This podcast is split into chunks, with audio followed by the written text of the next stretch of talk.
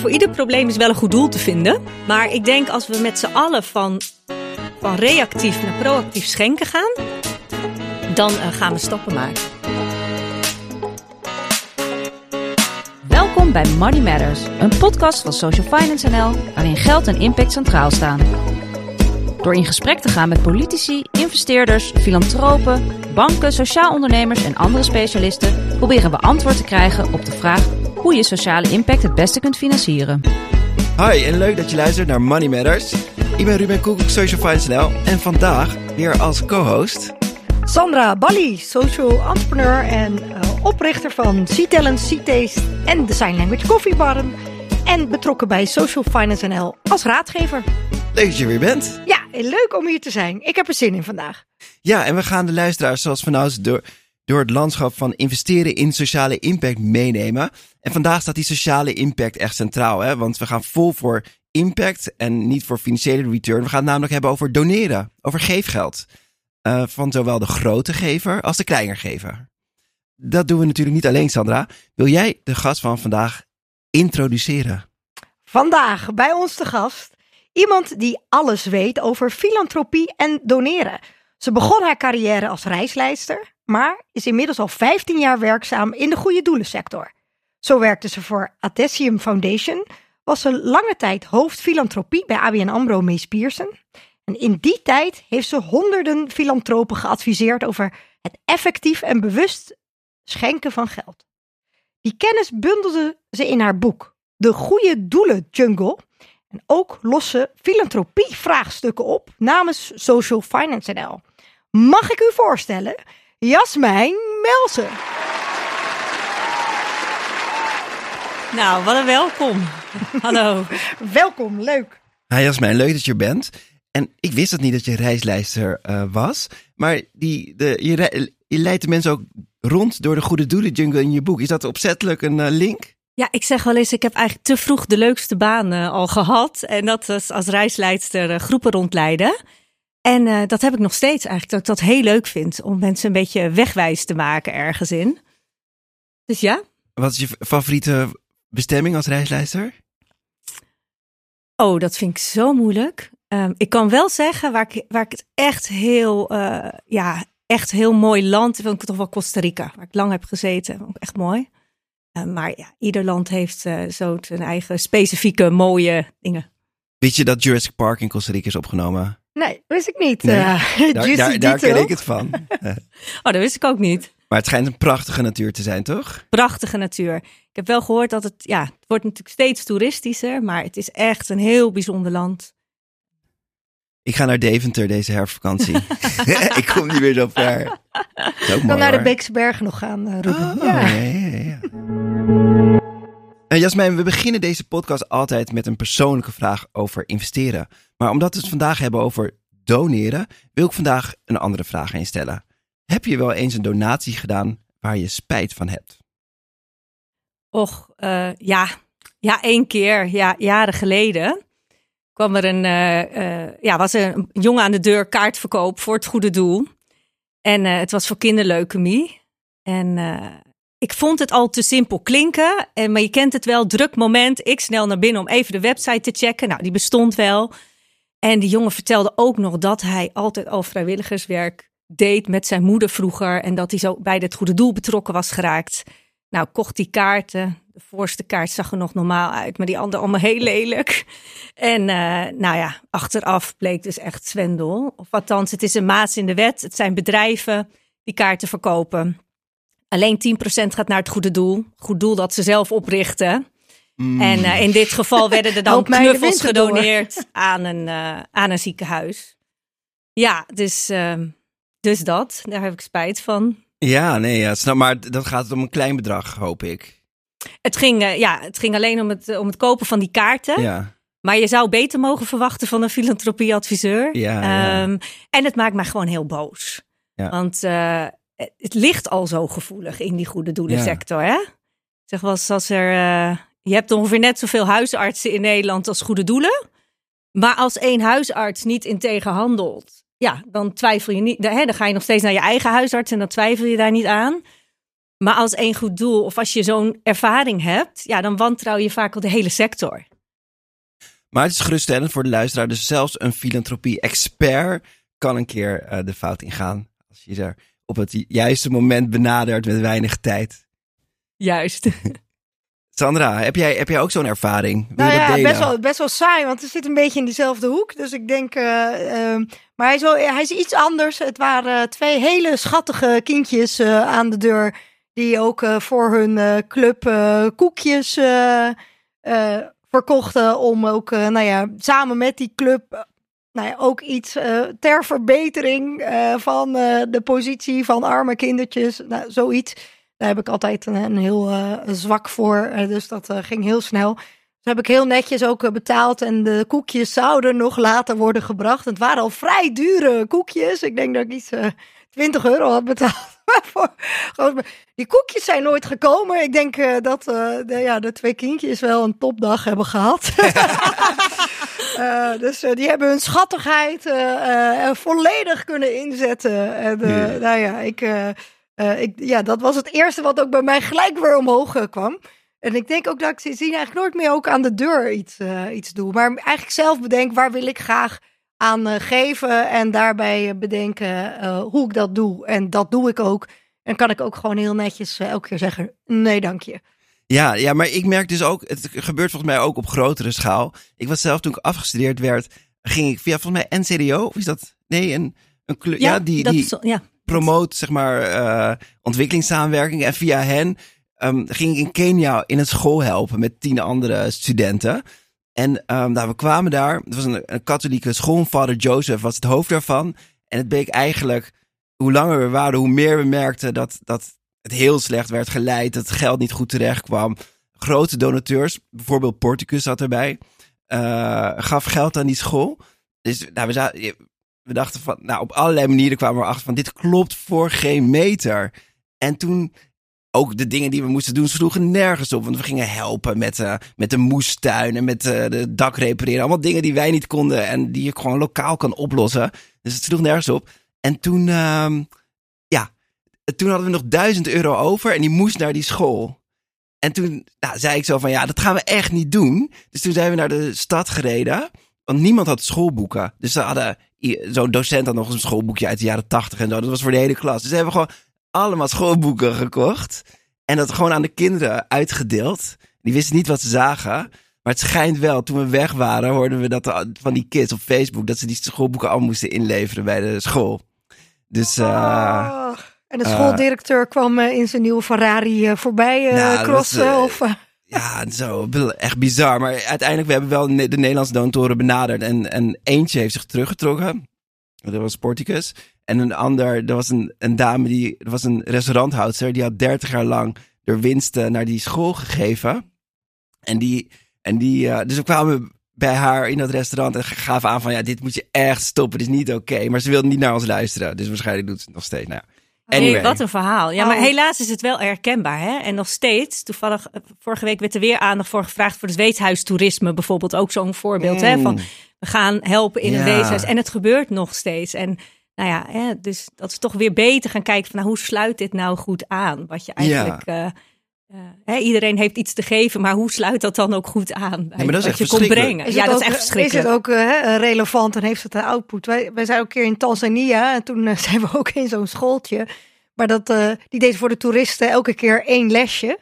En die kinderen konden alleen maar van 1 tot en met 10 tellen. Dat was it. En dat waren ze dus de hele dag aan het doen voor elke keer nieuw ja, je groepje vaak, toeristen. Uh... Ja, het was echt heel erg. ik, ik, heb wel twee maanden in Thailand uh, gezeten, uh, Engelse les. En dan kan je ook zeggen van wat heeft dat voor zin. Maar doordat je als foreigner komt en ze vinden je interessant en ze kunnen alleen met je praten als ze Engels leren. Dus je geeft wel een soort van, in, je kan niet ze Engels leren, maar je geeft ze wel een soort van inspirationele boost als je daar leuke dingen met ze doet. Dus dat, daar heb ik wel een heel goed gevoel aan overgehouden. Dat. Dankjewel. We gaan door met de volgende rubriek. In deze podcast zijn we op zoek naar antwoorden op de vraag hoe je sociale impact het best kan financieren. In eerdere afleveringen hebben we het ook al over financiering van filantropie gehad. Eh, maar vandaag doen we dat met een filantropie-expert en gaan we het hebben over grote en kleine donateurs en hoe die het beste geld kunnen weggeven. De eerste stelling luidt dan ook: een filantroop maakt meer impact dan een donateur. Uh, ja, maar mits het, uh, ik zou zeggen, mits het een goede filantroop is. Kan je misschien voor de luisteraars, dus, dus uh, we, we gebruiken twee termen, filantroop en donateur. Dus wat is het verschil daar, daarin? Ja, ja nou ja, je, hè, als we naar filantropie kijken, ehm, zou je zeggen, waar gaat filantropie over? Filantropie gaat eigenlijk over de inzet van private middelen voor het publiek belang. Dus dat betekent, je zet je tijd, geld, energie, kennis, netwerk in. En het gaat soms verder dan doneren of verder dan een, simpelweg een cheque uitschrijven. En uh, je zou kunnen zeggen, als je het goed doet, dan gaat het ook verder dan caritas, dan liefdadigheid. Hè? Dus waarbij je eigenlijk met liefdadigheid ben je ook vooral um, gaat het om de directe noden. Je helpt een ander in nood. Een beetje wat we zeggen, de bed, bad en brood voor daklozen bijvoorbeeld. En filantropie, daar probeer je eigenlijk een stap verder te gaan en een blijvende verandering in het, uh, in het leven van mensen te bewerkstelligen of dierenlevens. Maar het gaat in ieder geval dat je echt kijkt naar die achterliggende oorzaken van een probleem. Zijn social entrepreneurs dan niet ook een vorm uh, van filantropen? Dat denk ik wel, ja zeker. Ja, als zij zich vastbijten in een maatschappelijk probleem en daar proberen echt een, uh, een oplossing voor te krijgen.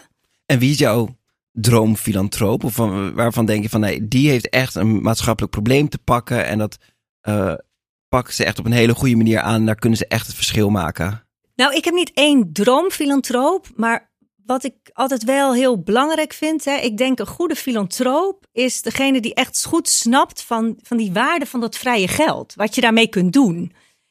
Um, en zo hebben bijvoorbeeld een voorbeeld is, uh, uh, ik sprak een keer uh, iemand, de oprichter van het Daan Theeuwers Centrum. Ik weet niet of, of dat jullie bekend is. Maar wat, wat is er gebeurd? zijn enige zoon van, van 18, die ernst, krijgt een ernstig ongeluk belandt in coma. En eigenlijk is de prognose kastplantje. En hij zal niet verder meer kunnen in de maatschappij en eigenlijk veroordeeld tot een verpleeghuis. Dan had deze meneer toevallig was er vermogen. En hij heeft zijn zoon meegenomen naar Atlanta. Heeft daar een heel lang revalidatietraject, heel intensief doorlopen met zijn zoon. Met als gevolg dat hij hier in Nederland weer kan lopen, kan praten, kan bewegen en zelfs zich verder kan inzetten voor de samenleving. En toen dacht hij van, ja, dus de revalidatiezorg in Nederland voor een niet aangeboren hersenletsel, dat moet verbeterd worden. En hij heeft alle partijen samengebracht en heeft uiteindelijk dus een nieuw centrum opgezet. En dan heb je dus die waarde van dat vrije geld, echt die innovatieve rol, die een overheid niet direct kan spelen, maar nu kan die aan de overheid laten zien, kijk, ook maatschappelijk gezien zijn er minder kosten nu, hè, voor, want anders zouden deze mensen misschien 30, 40 jaar lang in een verpleeghuis zitten. Um, nou, en dan heb je nog een andere rol, denk ik, van, uh, van filantropisch geld. En dat is toch wel die, die kritische tegenkracht van de overheid. En dat vind ik ook altijd heel uh, mooi om te zien. Um, ik denk bijvoorbeeld aan, uh, aan de Start Foundation, die ooit het Stoutfonds had opgericht. Wat je zag is dat ehm, jongeren zonder verblijfsvergunning mochten in Nederland geen stage lopen. En ja, dat is toch wel heel raar. Ze mochten wel naar school, maar geen stage. Zij hebben gezegd, wij richten het stoutfonds op en wij betalen de boetes. En uiteindelijk is dat een rechtszaak geworden, omdat uh, jongeren wel gingen stage lopen en zij hebben die rechtszaak gewonnen. En daar ben je dan weer eigenlijk meer een kritische ja, tegenkracht voor de overheid om uiteindelijk ook iets te bewerkstelligen. Kan je dingen op de kaart zetten. Ja, ja. Dus eigenlijk, het is, je noemt het vrij geld, in tegenstelling tot de overheid uh, die aan allerlei regels is gebonden. En met dat vrije geld kun je eigenlijk een systeemverandering teweegbrengen. En dan zie je dat in de revalidatiezorg, maar ook in de in wetgeving. Ja. dat, uh... ja, dat is inderdaad. Dat zijn eigenlijk, denk ik, de twee belangrijkste rollen van dat vrije geld. Uh, maar uiteindelijk, hè, iedere filantroop probeert het op zijn eigen manier, zijn of haar eigen manier, uh, impact te bereiken. En de een gaat daar wel veel verder in dan de ander. Als je kijkt, uh, ja, je, je, zou kunnen zeggen, je hebt een beetje vier verschillende typen filantropen. En de eerste zijn eigenlijk mensen die aan het einde van hun leven zeggen van nou, uh, we hebben extra geld, hoe gaan we betekenis geven aan dat geld? geen geliefde om aan na te laten. Uh, wij, nemen, wij, hè, wij benoemen een aantal goede doelen in het testament. Um, maar dan heb je een, een, tweede categorie, dat zijn eigenlijk die ondernemers, die gaan vaak een stap verder. Die zeggen van ja, wij um, gaan binnen het bedrijf zetten we een foundation ja. op. Bijvoorbeeld AFAS nu, de AFAS Foundation is heel actief. Of ze zeggen nou, we verkopen het bedrijf en zien filantropie als een soort tweede carrière. En ik zie dat zij zich al vaker iets meer vastbijten in een, uh, in een probleem. Um, interessant is ook om te zien de volgende generatie. Die zijn echt van de, waarvan je ziet van nou, er zijn al drie, vier generaties en filantropisch actief. Maar er staat nu een generatie op die zegt ja, leuk al die verschillende projecten waar we jaarlijks aan doneren, maar wij willen meer impact. Zo, ja, en uh, zo had ik een foundation, uh, vind ik prachtig, was het, het tiende kind. Uh, de grootouders hadden negen kinderen. En als uh, ze hadden als ze wilden iets terugdoen voor andere kinderen in de wereld die het minder goed ja. hebben. En daarom hadden ze een foundation opgericht, het tiende kind.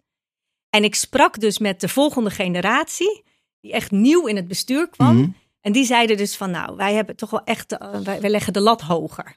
En want je zegt, uh, oké, okay, dus je hebt uh, degene die uh, type 1 filantroop is iemand die, die wat ouder is en zegt van, hé, hey, ik wil het nalaten op niet alleen aan mijn geliefde, maar voor iets goeds doen voor de wereld. Tweede ja, die aan zijn, het einde van de rit precies, echt gaat kijken. Dan heb je de ondernemers die, het, die naast hè, met hun geld actief goed willen doen. En de derde en de vierde? Ja, dus de derde is eigenlijk echt die, die, die volgende generatie die okay, nu instapt. Dat was de, ja. En die vierde zou je kunnen zeggen, dat zijn eigenlijk filantropen die uh, door eigenlijk één specifieke gebeurtenis in hun leven, zoals ik dus noemde bij dat Daan Theeuwen Centrum, filantroop zijn geworden. Um, of een ander voorbeeld, heel schrijnend. Iemand is bij de MH17. Beide kinderen zijn overleden. Ja. En het spaarpotje voor, de, voor uh, het schoolgelden voor de kinderen. Ja, waar moest hij naartoe? Wat wordt de bestemming? En toen heeft deze meneer gezegd van nou, ik ga ervoor zorgen dat andere kinderen met minder kansen, dat daar het geld naartoe gaat. Ja, ja. En um, ja, met zo'n één specifieke gebeurtenis, die zouden wellicht niet uh, anders filantropisch actief zijn geworden. Ja, wauw. En je hebt dus vier typen filantropen um, beschreven. En dat zijn echt mensen die een, echt een doel hebben, een systeem willen veranderen met hun geld. En dan heb je donateurs. En dat zijn dan mensen die bijdragen. Gewoon de check uitschrijven. Ja, maar niet daar een hele visie achter hebben. Is dat, of, of wat vaak wat kleinere bedragen? Of... Ja, dat klopt. Uh, maar tegelijkertijd moeten we niet vergeten. Ik zeg wel eens, wie zijn nou eigenlijk de grootste gevers in Nederland, nou wij alle bij elkaar, hè, de tientjes donateurs bij elkaar, wij geven het meest. Ja. En dat is iets wat sommige mensen wel eens vergeten, denk ik. Um, als je kijkt, hè, we geven zo'n 5,7 miljard in Nederland uh, aan goede doelen ieder jaar. Nou, dan bedrijven zo'n 2 miljard en uh, fondsen en loterijen 1 miljard. Maar de huishoudens in Nederland, wij geven bij elkaar bijna 2,5 miljard. Wow. En het is wel ja. iets uh, aan het afnemen. Maar een gemiddeld huishouden geeft zo rond de 300 euro. 80% van de huishoudens geeft en uh, gemiddeld zo'n 300 euro per jaar. Dankjewel. Dus de stelling een filantroop maakt meer impact dan een donateur. Als hij het goed doet, het is wat omvattender. Maar eigenlijk hebben ze allebei, allebei een eigen rol. Als ik dat zo, uh, zo hoor. Ja, klopt. We gaan door naar de tweede stelling. Geld weggeven is moeilijker dan geld verdienen. Ja, en een uh, volmondige ja zou ik zeggen. Vertel. uh, nou, ik denk, kijk, het feit dat je een succesvol ondernemer bent, wil nog niet zeggen dat je ook weet hoe je goed geld moet geven. Of dat je weet hoe je een ander goed kunt helpen. En um, kijk, een, in het bedrijfsleven is een belangrijke indicator voor succes is winst. Hè? Nou, dat, dat, dat heb je niet in de filantropie, een soort ja. uh, winst- en verliesrekening. Maar daarbij uh, werk je vaak aan hele complexe problemen in, in hele complexe, vaak in complexe context. Dus als het eenvoudig was, dan was het al opgelost.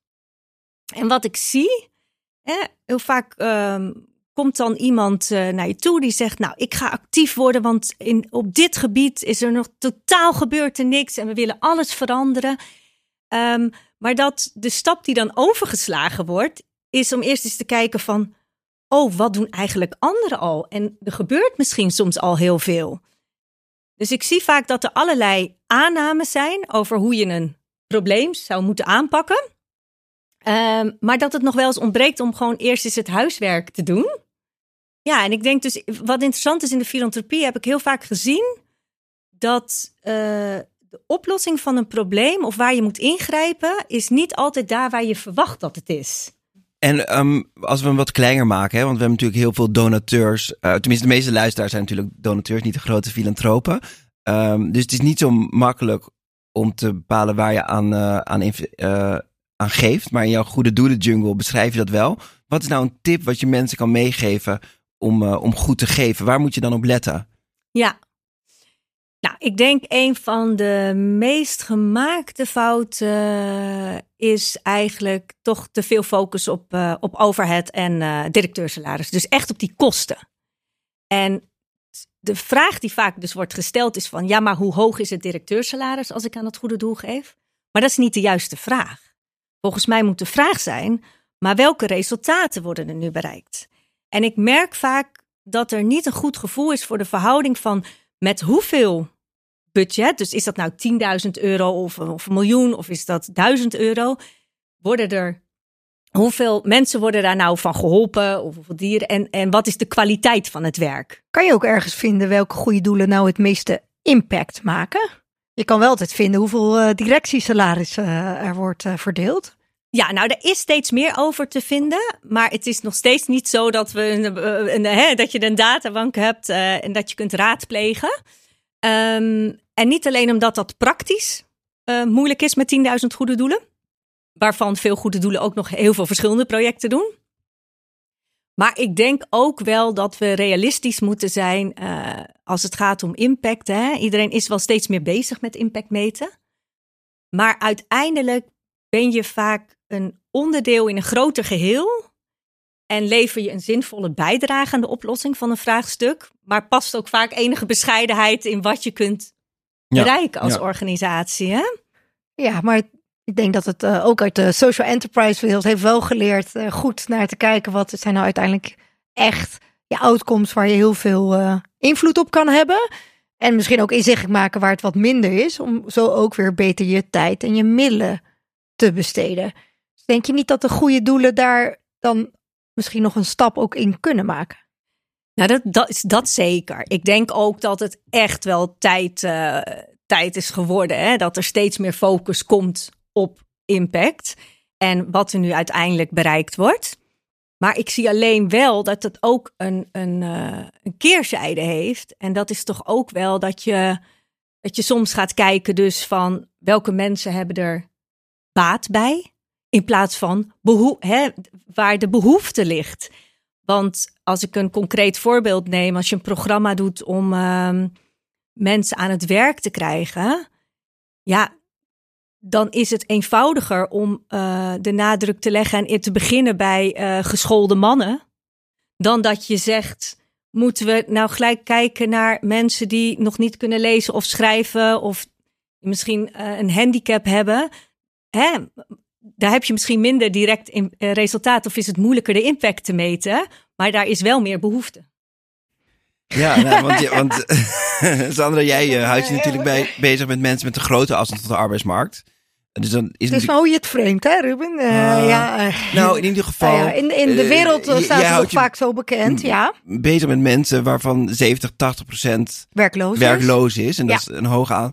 Um, um, maar wat ik daar wel interessant aan vind, is van als jij als sociaal ondernemer, uh, jij hebt klanten. Dus als jij uh, ja, je werk niet goed doet, dan verlies je die klanten. Enigszins met donateurs. Maar vooral als je je marketing niet doet of als je schandalen hebt, verlies je donateurs. Dat gaat, dat gaat nog ineens op impact. Maar vermogensfondsen, die hebben het helemaal lastig om afgerekend te worden. Want die hebben gewoon vermogen.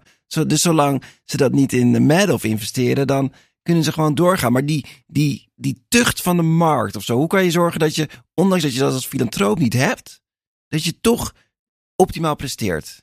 hoe, kan je, hoe kan je nog meer met elkaar, denk ik, ook samenwerken? Want als ik dit, uh, ik vind het grappig dat je het als een voorbeeld van filantropie noemt.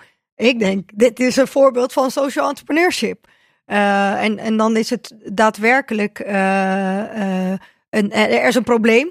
Er is een missie die je hebt om op te lossen. En het is helemaal niet makkelijk om dat te doen. en daar moet je gewoon een, een, een keuze in maken, een grote stap. maar het heeft ons wel geleerd om elke stap wel te bedenken. Waar hebben we nou impact op? Hoe meet je dat?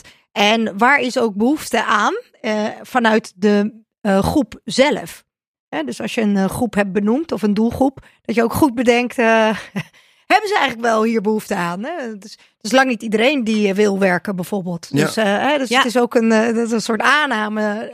maar maar komen die werelden, Jasmijn, komen die werelden niet bij elkaar? Van die, dat ondernemerschap, het sociaal ondernemerschap en, en, en filantropie? Of zie, zie je dat nog niet gebeuren? Nee, steeds meer. Kijk, die wereld is gewoon diffuus geworden. Dus wat er is veranderd zijn eigenlijk, ik zou zeggen drie dingen. Er zijn steeds meer nieuwe actoren bijgekomen zowel het bedrijfsleven, die veel meer met filantropie gaan bezighouden. Nou, social enterprises.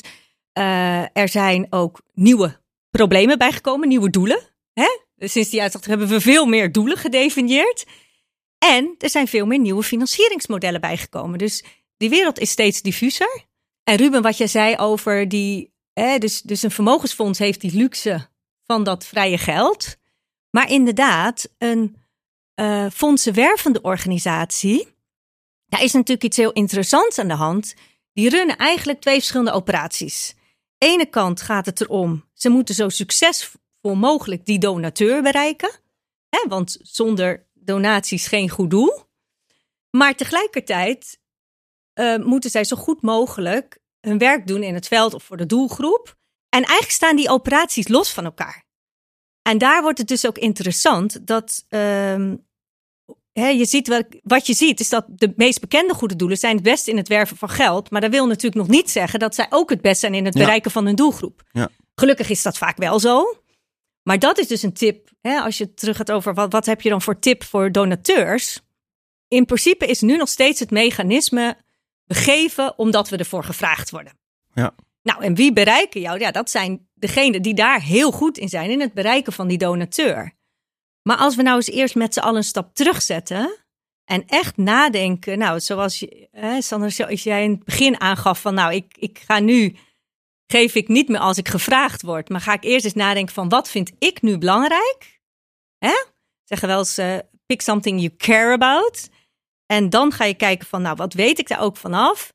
En dan ga je pas kijken welk goed doel je zou willen ondersteunen. Ja. Ik zeg het voor, voor, ieder, voor ieder probleem is wel een goed doel te vinden. Um, maar ik denk als we met z'n allen van, van reactief naar proactief schenken gaan, dan uh, gaan we stappen maken. Je noemt het ook uh, twee verschillende operaties. Uh, dat triggert mij ergens natuurlijk. Maar ik denk in één keer, ja, maar dat, dat, dat kan je prima met elkaar verbinden op het moment dat je andere mechanismes daaraan hangt. dus, dus mechanismes zoals een resultatenfonds of een outcome fund. Hè, dus gericht op daadwerkelijke meetbare impact. En als het goed is, als je ergens uh, filantropisch mee bezig bent of, of ondernemend, uh, dat, dat maakt niet zo uit. Hè. Je hebt een bepaald doel en dat kan je dan in substappen best benoemen. En daar kan je variabelen in meten. Dat op basis daarvan, nou ja, noem het uh, donaties, noem het geld, noem het resultaat, um, daar financieringsmodellen op, op komen. Zie je dat ook in de filantropie nu gebeuren? Of nou dit dat vind ik dus uh... echt het mooie van sociale ondernemingen. En ook al die nieuwe financieringsmodellen zien, die zijn gekomen. Hè? Dat we veel meer kijken naar. Uh, en ook bijvoorbeeld vermogensfondsen kijken ook steeds meer naar het vermogen wat ze beheren, hoe je dat doet. Dus je gaat naar alle aspecten kijken van, van waar je dat geld en hoe je dat inzet. Ik denk alleen dat je niet moet vergeten dat als het gaat om bijvoorbeeld uh, gedragsverandering, bijvoorbeeld ehm, tegengaan van seksueel geweld tegen vrouwen. Of uh, bijvoorbeeld onderzoek naar bepaalde ziekten, hè? bijvoorbeeld het uh, afremmen of genezen van Parkinson. Ja, dat vraagt vaak een lange termijn ja. investering. Ja, hele lange adem. Een hele lange adem die je niet direct in resultaat kunt uitdrukken. En dat we dus daardoor uh, ben ik wel echt een voorstander van om ook wel echt te zien dat sommige dingen nou eenmaal een ook gewoon een donatie vragen, ja, geefgeld ja. vragen. En andere zaken die dat, die dat niet per se vragen, zoals Sandra, jij zelf ook te werk gaat. ehm, dat, eh, ja, daar is het ook heel geschikt voor om daar te kijken van wat is het. Hè, ik kan daar ook een soort van verdienmodel. eh Ja. Ja, ik, ik herken ook de struggle. Hè? Ik bedoel, eh, die eh, is menigeen doorheen gegaan. Maar ik denk wel op het moment dat je dat met elkaar wat meer kan alignen.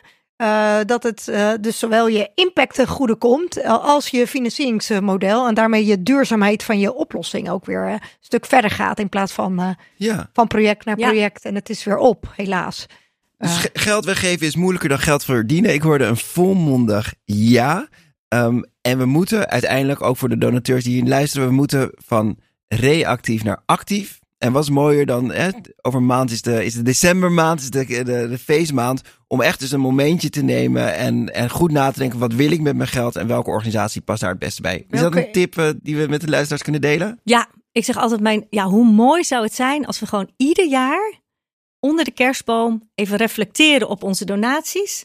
Even overzicht krijgen over onze donaties. Want heel veel mensen hebben ook gewoon helemaal geen overzicht over waar ze aan geven. Dat je dan eens kijkt van de goede doelen die het goed doen. Beloon die dan ook. Hè? En, en de goede doelen waarvan je denkt van nou, daar ben ik gewoon minder tevreden over. Neem daar dan ook afscheid van. Ja, een leuk Sinterklaas kerstcadeautje. Welke impact maak jij? Ja. Dan gaan we naar de derde stelling. Een goede filantroop geeft in stilte. Oei, eh, nee. Ehm, nou ja, kijk, ik zou zeggen, er is geen goed of slecht in deze. Ehm, maar ik zeg nee, omdat ik denk dat Nederland wel wat rolmodellen, wat meer rolmodellen kan gebruiken. Ehm, ik weet niet of jullie dat weten, maar ik, eh, in het Verenigd Koninkrijk is door de overheid aangesteld een ambassadeur van de filantropie. Mm. Stephanie Shirley. Ik heb haar een keer horen spreken. Nou, ontzettend inspirerende vrouw. Ehm, ja, ik zou het eigenlijk best wel mooi vinden als dat in Nederland ook eh, zo zou zijn. Bij deze een open sollicitatie. nee, niet zo. Maar ik denk dat het heel interessant is als, eh, als filantropen hun ervaringen delen. Ehm, want we hebben eerder gesproken hè, over eh, nou, hoeveel we geven. We hebben een levendige geefcultuur. Maar die staat wel onder druk in Nederland. En je ziet dat we steeds minder doneren. En dat, dat vind, en, en ja, gewoon het iets voor een ander doen. Ja, ik vind dat wel belangrijk omdat dat we dat doorgeven naar volgende generaties. Nou ja, tegelijkertijd zien we echt hele mooie, veelbelovende voorbeelden. Ik, ik zie zeg maar mensen uit de volgende generatie die echt ook wel, eens, eh, nou, waar we het eerder over hebben gehad, zich vastbijten in een probleem, maar ook hun identiteit eraan ophangen. Eh, ze noemen dat wel eens eh, identity through philanthropy. Dat je eigenlijk zegt van, ik geef niet alleen aan de Plastic Soup Foundation. Ik ga ook plastic ruimen op het strand. Ik scheid mijn afval. Als ik naar de supermarkt Ja. ga, gebruik ik geen plastic Practice what you tasje. preach. Ja. Exact. Hadden we heel mooi een. eh, ik sprak iemand. eh, nou, dat, dat is niet eh, dagelijks, maar iemand kreeg als volgende generatie een aandelenportefeuille van, de, van haar vader. En Mm. bij de overdracht zei ze. Hoe kan het nou? Ze was eigenlijk geschrokken, want eh, de 80% van de aandelenportefeuille was Shell en McDonald's. Ze zei: Hoe kan het nou? Ik ben zelf vegetariër en ik ben een ontzettende natuurliefhebber. En ik krijg dus deze aandelenportefeuille. Dat wil ik helemaal niet. Eh, nou, dat is echt wel zo'n voorbeeld waarvan ik zie dat de volgende generatie veel holistischer eigenlijk kijkt. En, en jij spreekt natuurlijk allemaal vooral Nederlandse filantropen. In Amerika hebben ze een hele andere kijk. En dan is het echt een, een, ja, het is een soort wedloop. Wie is de grootste filantroop? Wie heeft zijn, zijn naam op de meeste gebouwen? Hele shows en gala's. Pre- precies. Zie, zie je daar ook, eh, moeten we daar ook iets van leren? Of, moet, of past dat niet zo bij ons? Nou, kijk, ik, ik kan me ook heel goed de, de, de kant van de filantropen voorstellen. Dat in Nederland wordt je toch, er is ook wel heel veel cynisme. En op het moment hè, dat je je uitspreekt als filantroop, krijg je vaak ook veel over je heen. En eh, niet altijd terecht, denk ik. Ehm, maar wat je ook wel ziet, is dat mensen, zeker in Amerika nu, het is echt wel een nieuwe ontwikkeling, gebruik maken van hun stem, van hun publieke stem, om eigenlijk het systeem waarbinnen ze zelf rijk zijn geworden, om dat aan te kaarten. En ik vind dat best een interessante ontwikkeling. Dus je hebt nu eh, eh, Millionaires for Humanity. En in Duitsland heb je Tax Me Now, waarvan eigenlijk Ja. filantropen zeggen van wij willen eigenlijk meer financiële rechtvaardigheid. Dus laat ons meer belasting betalen. Want maar dat is ook wel een kritiek naar de filantropie toe. Hè? Je kan zeggen van, uh, eigenlijk, zeker in Amerika, waar, waar filantropen een, een belangrijkere rol hebben.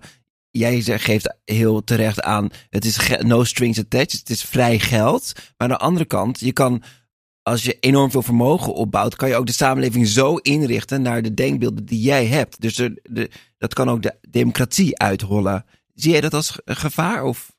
Nou, dat, dat is zeker een punt. En uh, we zien dus ook de vraag toenemen van toch over wat, wat ze dan noemen participatieve uh, grantmaking. Of in ieder geval die vraag van ja, hoe betrek je nou veel beter de doelgroep? Of hè, voor de Mhm. mensen waarvoor je het doet. Hoe betrek je die nu eigenlijk ook in je besluitvormingsproces? Dus daar komt zeker een, uh, een, democratiseringsslag. Um, en ik zie ook wel uh, aan de andere kant van de gevers, zie ik op kleinere schaal ook wel, ja, ik zou dat ook wel een soort democratisering van de filantropie kunnen noemen. Dat ik zie dat er steeds meer geefcirkels komen. Ja. Bijvoorbeeld uh, de Rabobank uh, heeft coöperatiekringen opgericht, waarbij je voor de stad, hier in Amsterdam coöperatiekring, dan kan je duizend euro in, dan leg je duizend euro in en dat gaat voor, voor um, kansgelijkheid in het onderwijs bij je, voor kinderen. Um, ik hoorde laatst van een initiatief, ook heel mooi, collectief kapitaal. En een aantal mensen zeggen van, nou, wij gaan gewoon vijf mensen die onder de armoedegrens leven of die het moeilijk hebben, die gaan wij gewoon iedere maand geld geven. Um, en ik, ik zie het ook wel aan mezelf. Ik heb met een, uh, nou, met een aantal vriendinnen, hè, we zijn niet vermogend, maar we hebben het gewoon heel goed. Hebben we ook gezegd van, nou, we gaan ook als vijf moeders, we hebben de Foundation for, for Family Giving opgericht. En wij gaan ook gewoon met onze kinderen één keer per jaar vrijwilligerswerk doen. We betrekken ze bij de goede doelen. En zelf beslissen we dan één keer per jaar aan de goede doelen die we geven. Dus ik zie ook eigenlijk uh, ja, veel meer actie op dat gebied. Ja. Denk je niet ook dat uh, eigenlijk ook wel een rol bij filantropen ligt? Hè? Als je zegt, ik wil echt iets aanpakken, een verschil maken. Um, door je juist wel rugbaarheid aan te geven, omdat ook wel heel veel problemen of uitdagingen. Um, het is ook wel zo makkelijk als we er niet over praten, want dan word ik ook niet mee geconfronteerd. Dus dat, dat je juist je netwerk inzet of je PR-connecties uh, om iets weer aanhangig te maken. Nou, een interessant voorbeeld is dan Steven Schuurman, hè, die nu in het uh, eigenlijk in de publiciteit ja. is getreden. En volgens mij heeft hij een donatie van een miljoen gedaan aan nou, D66 en uh, Partij voor de Dieren. Omdat Klopt, hij zegt ja. van nou, ik vind klimaatvraagstuk zo belangrijk. Maar je ziet ook wel tegelijkertijd hoe hij, uh, ja, nog ook wel hoe hij zichzelf moet verdedigen. En het, het, roept ook heel veel kritieken op. Dus ik begrijp wel um, dat het soms lastig is om als filantroop ook naar buiten te treden. Ja, maar en dat, ik, ik denk ook wel dat we heel onvolwassen nog zijn in Nederland daarin. Bijvoorbeeld in Amerika geven mensen natuurlijk miljarden aan politieke campagnes. Ik denk een enorm vergiftig politiek klimaat, onder andere daardoor. Maar er zijn wel best wel strenge regels. En in Nederland gebeurt nog niet zoveel, maar er zijn helemaal geen regels voor. Dus het, het, het kan enorm uit de hand lopen. Of zie je dat niet zo? Nou, tot nu toe zou ik, hè, dat, dat kom ik eerder op terug van, ik, ik denk wel dat het, dat het goed is om, uh, op, ik denk dat Nederlanders zelf filantropen wel wat positiever zouden mogen benaderen. Hè? Ze kunnen zelf, uh, ja. hè, ze zouden ook uh, gewoon nog een Ferrari kunnen kopen voor dat geld. Tegelijkertijd moeten we wel kritisch blijven. Het is natuurlijk wel een, een belangrijke vraag. Hoeveel invloed kun je als één filantroop, mag je naar je toe trekken? En die vraag is ook wel eens geweest bij een. Uh, nou, hebt bijvoorbeeld uh, vermogensfondsen die zich focussen op één stad met een enorme hoeveelheid geld. Dan zie je ook wel eens dat je echt gaat concurreren met de, de, de gemeente, omdat je eigenlijk groter bent dan de lokale budgetten voor bijvoorbeeld onderwijs in een bepaalde de, stad. De, familie van de Vorm heeft de Verderberg in Rotterdam en die heeft eigenlijk altijd ruzie met de gemeente Rotterdam. Is dat een voorbeeld? Nou, dat, dat is wel een voorbeeld dat we daar wel met. Ik zie wel dat we in de samenleving daar steeds meer vragen over krijgen van, ja, hoeveel, hoeveel invloed mag je eigenlijk ja. hebben? Ik stel dat een beetje bout hoor, maar ik weet in ieder geval dat in de gemeente Rotterdam is natuurlijk wel iets dat er, dat er natuurlijk heel veel filantropie is, wat de stad enorm verder helpt, maar dat de gemeente vaak ook denkt van, hé, hey, wat gebeurt hier? En zijn wij nog wel in charge dat daar wrijving ontstaat? Ja, nou ja, en het mag ook wel eh, schuren. Hè? Soms als we weer teruggaan over wat is een goede filantroop, dan denk ik ook wel eens, ja, het is ook wel. Uh, uh, het is ook wel goed om je boos te maken over een vraagstuk. Ja. Hè? Het moet ook wel een beetje. Ja, als je moet- wil veranderen, dan mag er wel wat emotie bij. Exact. Dus dat, dat, van Jos Verhoeven is misschien een mooi voorbeeld. Ja, het is ook wel, eh, want ik denk ook wel eens dat. Startpunt. ehm, ja, dus som, je hebt ook wel klassieke vermogensfondsen waarbij ik denk dat het, hè, juist omdat je zeg maar geen verantwoording hoeft af te leggen, dat, ja, dat één keer per jaar bij elkaar komen en een aantal projecten doneren, dat het ook wel mooi is als je iets meer ja, vastbijt in zo'n vraagstuk. Ja, en daar hoort dan misschien ook wel eh, lawaai maken, op de trom slaan en dus misschien niet altijd in stil te geven. Nou, dat- we hebben drie prachtige stellingen eh, gehad. De eerste, een filantroop maakt meer impact dan een donateur. Nou, daar, iedereen heeft eigenlijk zijn eigen rol. Waar je veel stelliger in was, is geld weggeven is moeilijker dan geld verdienen. Want winst kan je meten, maar meet maar eens de impact die je maakt met jouw donatie. En een goede filantroop geeft in stilte eigenlijk niet. Eigenlijk mag een filantroop zich wel iets meer uitspreken en ook anderen inspireren. Daarmee komen we tot het einde van deze podcast. Ehm, en als afsluiter vragen we altijd de gast een advies. En jij hebt eigenlijk een boek met adviezen geschreven, De Goede Doelen Jungle. Eén advies was, ga pro- niet eh, reactief, maar proactief. Zou je nog een, een, een tweede advies daaraan willen toevoegen voor onze luisteraar? Ja, ik denk het allerbelangrijkste is eh, wees nieuwsgierig. Toets je aannames en, ehm, en ook als tientjesdonateur. En ik denk ook wel, realiseer je, als je denkt van ja, maar wat maakt mijn tientje nu, nu een verschil? Nou, wat ik eerder heb gezegd, van realiseer je ook dat wij met z'n allen eigenlijk best wel heel veel geven. En dat het toch heel mooi zou zijn. Ik zie hè, de markt van, van donaties is eigenlijk echt ontzettend suboptimaal. Met die 10.000 goede doelen. Daar zit gewoon heel veel variatie in kwaliteit. En er is gewoon, nou, misschien. een- er is echt een middenmoot die gewoon oké doen. Maar er, en er is een groep die eigenlijk misschien negatieve impact heeft. En er is een kleine groep die het heel goed doet. En ik denk als we met z'n allen wat meer nadenken over. Hè, en wat bewuster gaan schenken. Dat we ook juist die groep meer eh, naar voren zal komen. Mooi. Sandra, wat neem jij mee uit deze podcast? Nou, ik heb vandaag eh, echt eh, wat geleerd. Eh, ik had nooit zo over nagedacht wat nou het verschil of de definitie is van een, een filantroop of een donateur. Als ik heel eerlijk ben, zag ik dat een beetje als hetzelfde. Maar heb ik eh, vandaag geleerd wat daar het onderscheid in is. En eigenlijk dus wat de overeenkomsten ook weer zijn eh, in ja, filantropen en social entrepreneurs. En dan denk ik ook wel weer, eh, samen zouden we nog veel meer impact kunnen maken. Als we daar wat meer verbinding nog in kunnen zoeken. Nou, Dus eh dank je wel voor deze mooie inzichten. En een de- duidelijke reden om, om door te praten. Ehm, ja, jouw boek De Goede Doelen eh, Jungle, daar staan nog heel veel tips eh, in. Nou, als je jouw naam eh, googelt, dan kom je vanzelf op de website terecht waar je die ook kan bestellen. Ehm, ik stel voor om drie boeken namens Money Matters weg te geven. Als jij ze wilt Oh, signeren. Ja. En je kan ze krijgen door een review achter te laten in je iTunes podcast app of op LinkedIn. Dus als je dan een review geeft en je benoemt ook, je moet wel mij taggen, Ruben Koekoek, want dan ga ik het regelen. Maar je benoemt ook waarom je het boek wil hebben. Dan zorg ik dat de eerste drie eh, reviews, dat die eh, een gesigneerde versie van het boek ontvangen. Want het is echt een enorme aanrader om eens op een andere manier te kijken naar hoe je het verschil kan maken met je donatie. Dankjewel Jasmijn voor je tijd en je interessante inzichten. Ook dank aan mijn co-host Sandra en Abin Amro en de Oranje Fonds voor het mede mogelijk maken van deze podcast. Productie Daniel van der Poppen, redactie Daphne Sprecher en Nina Berkelo. En wil je niks missen van deze reeks? Abonneer je dan op de, jouw favoriete podcastkanaal. En vergeet ook niet een recensie achter te laten in de iTunes podcast app. Of neem een kijkje op onze website www.sokvin.nl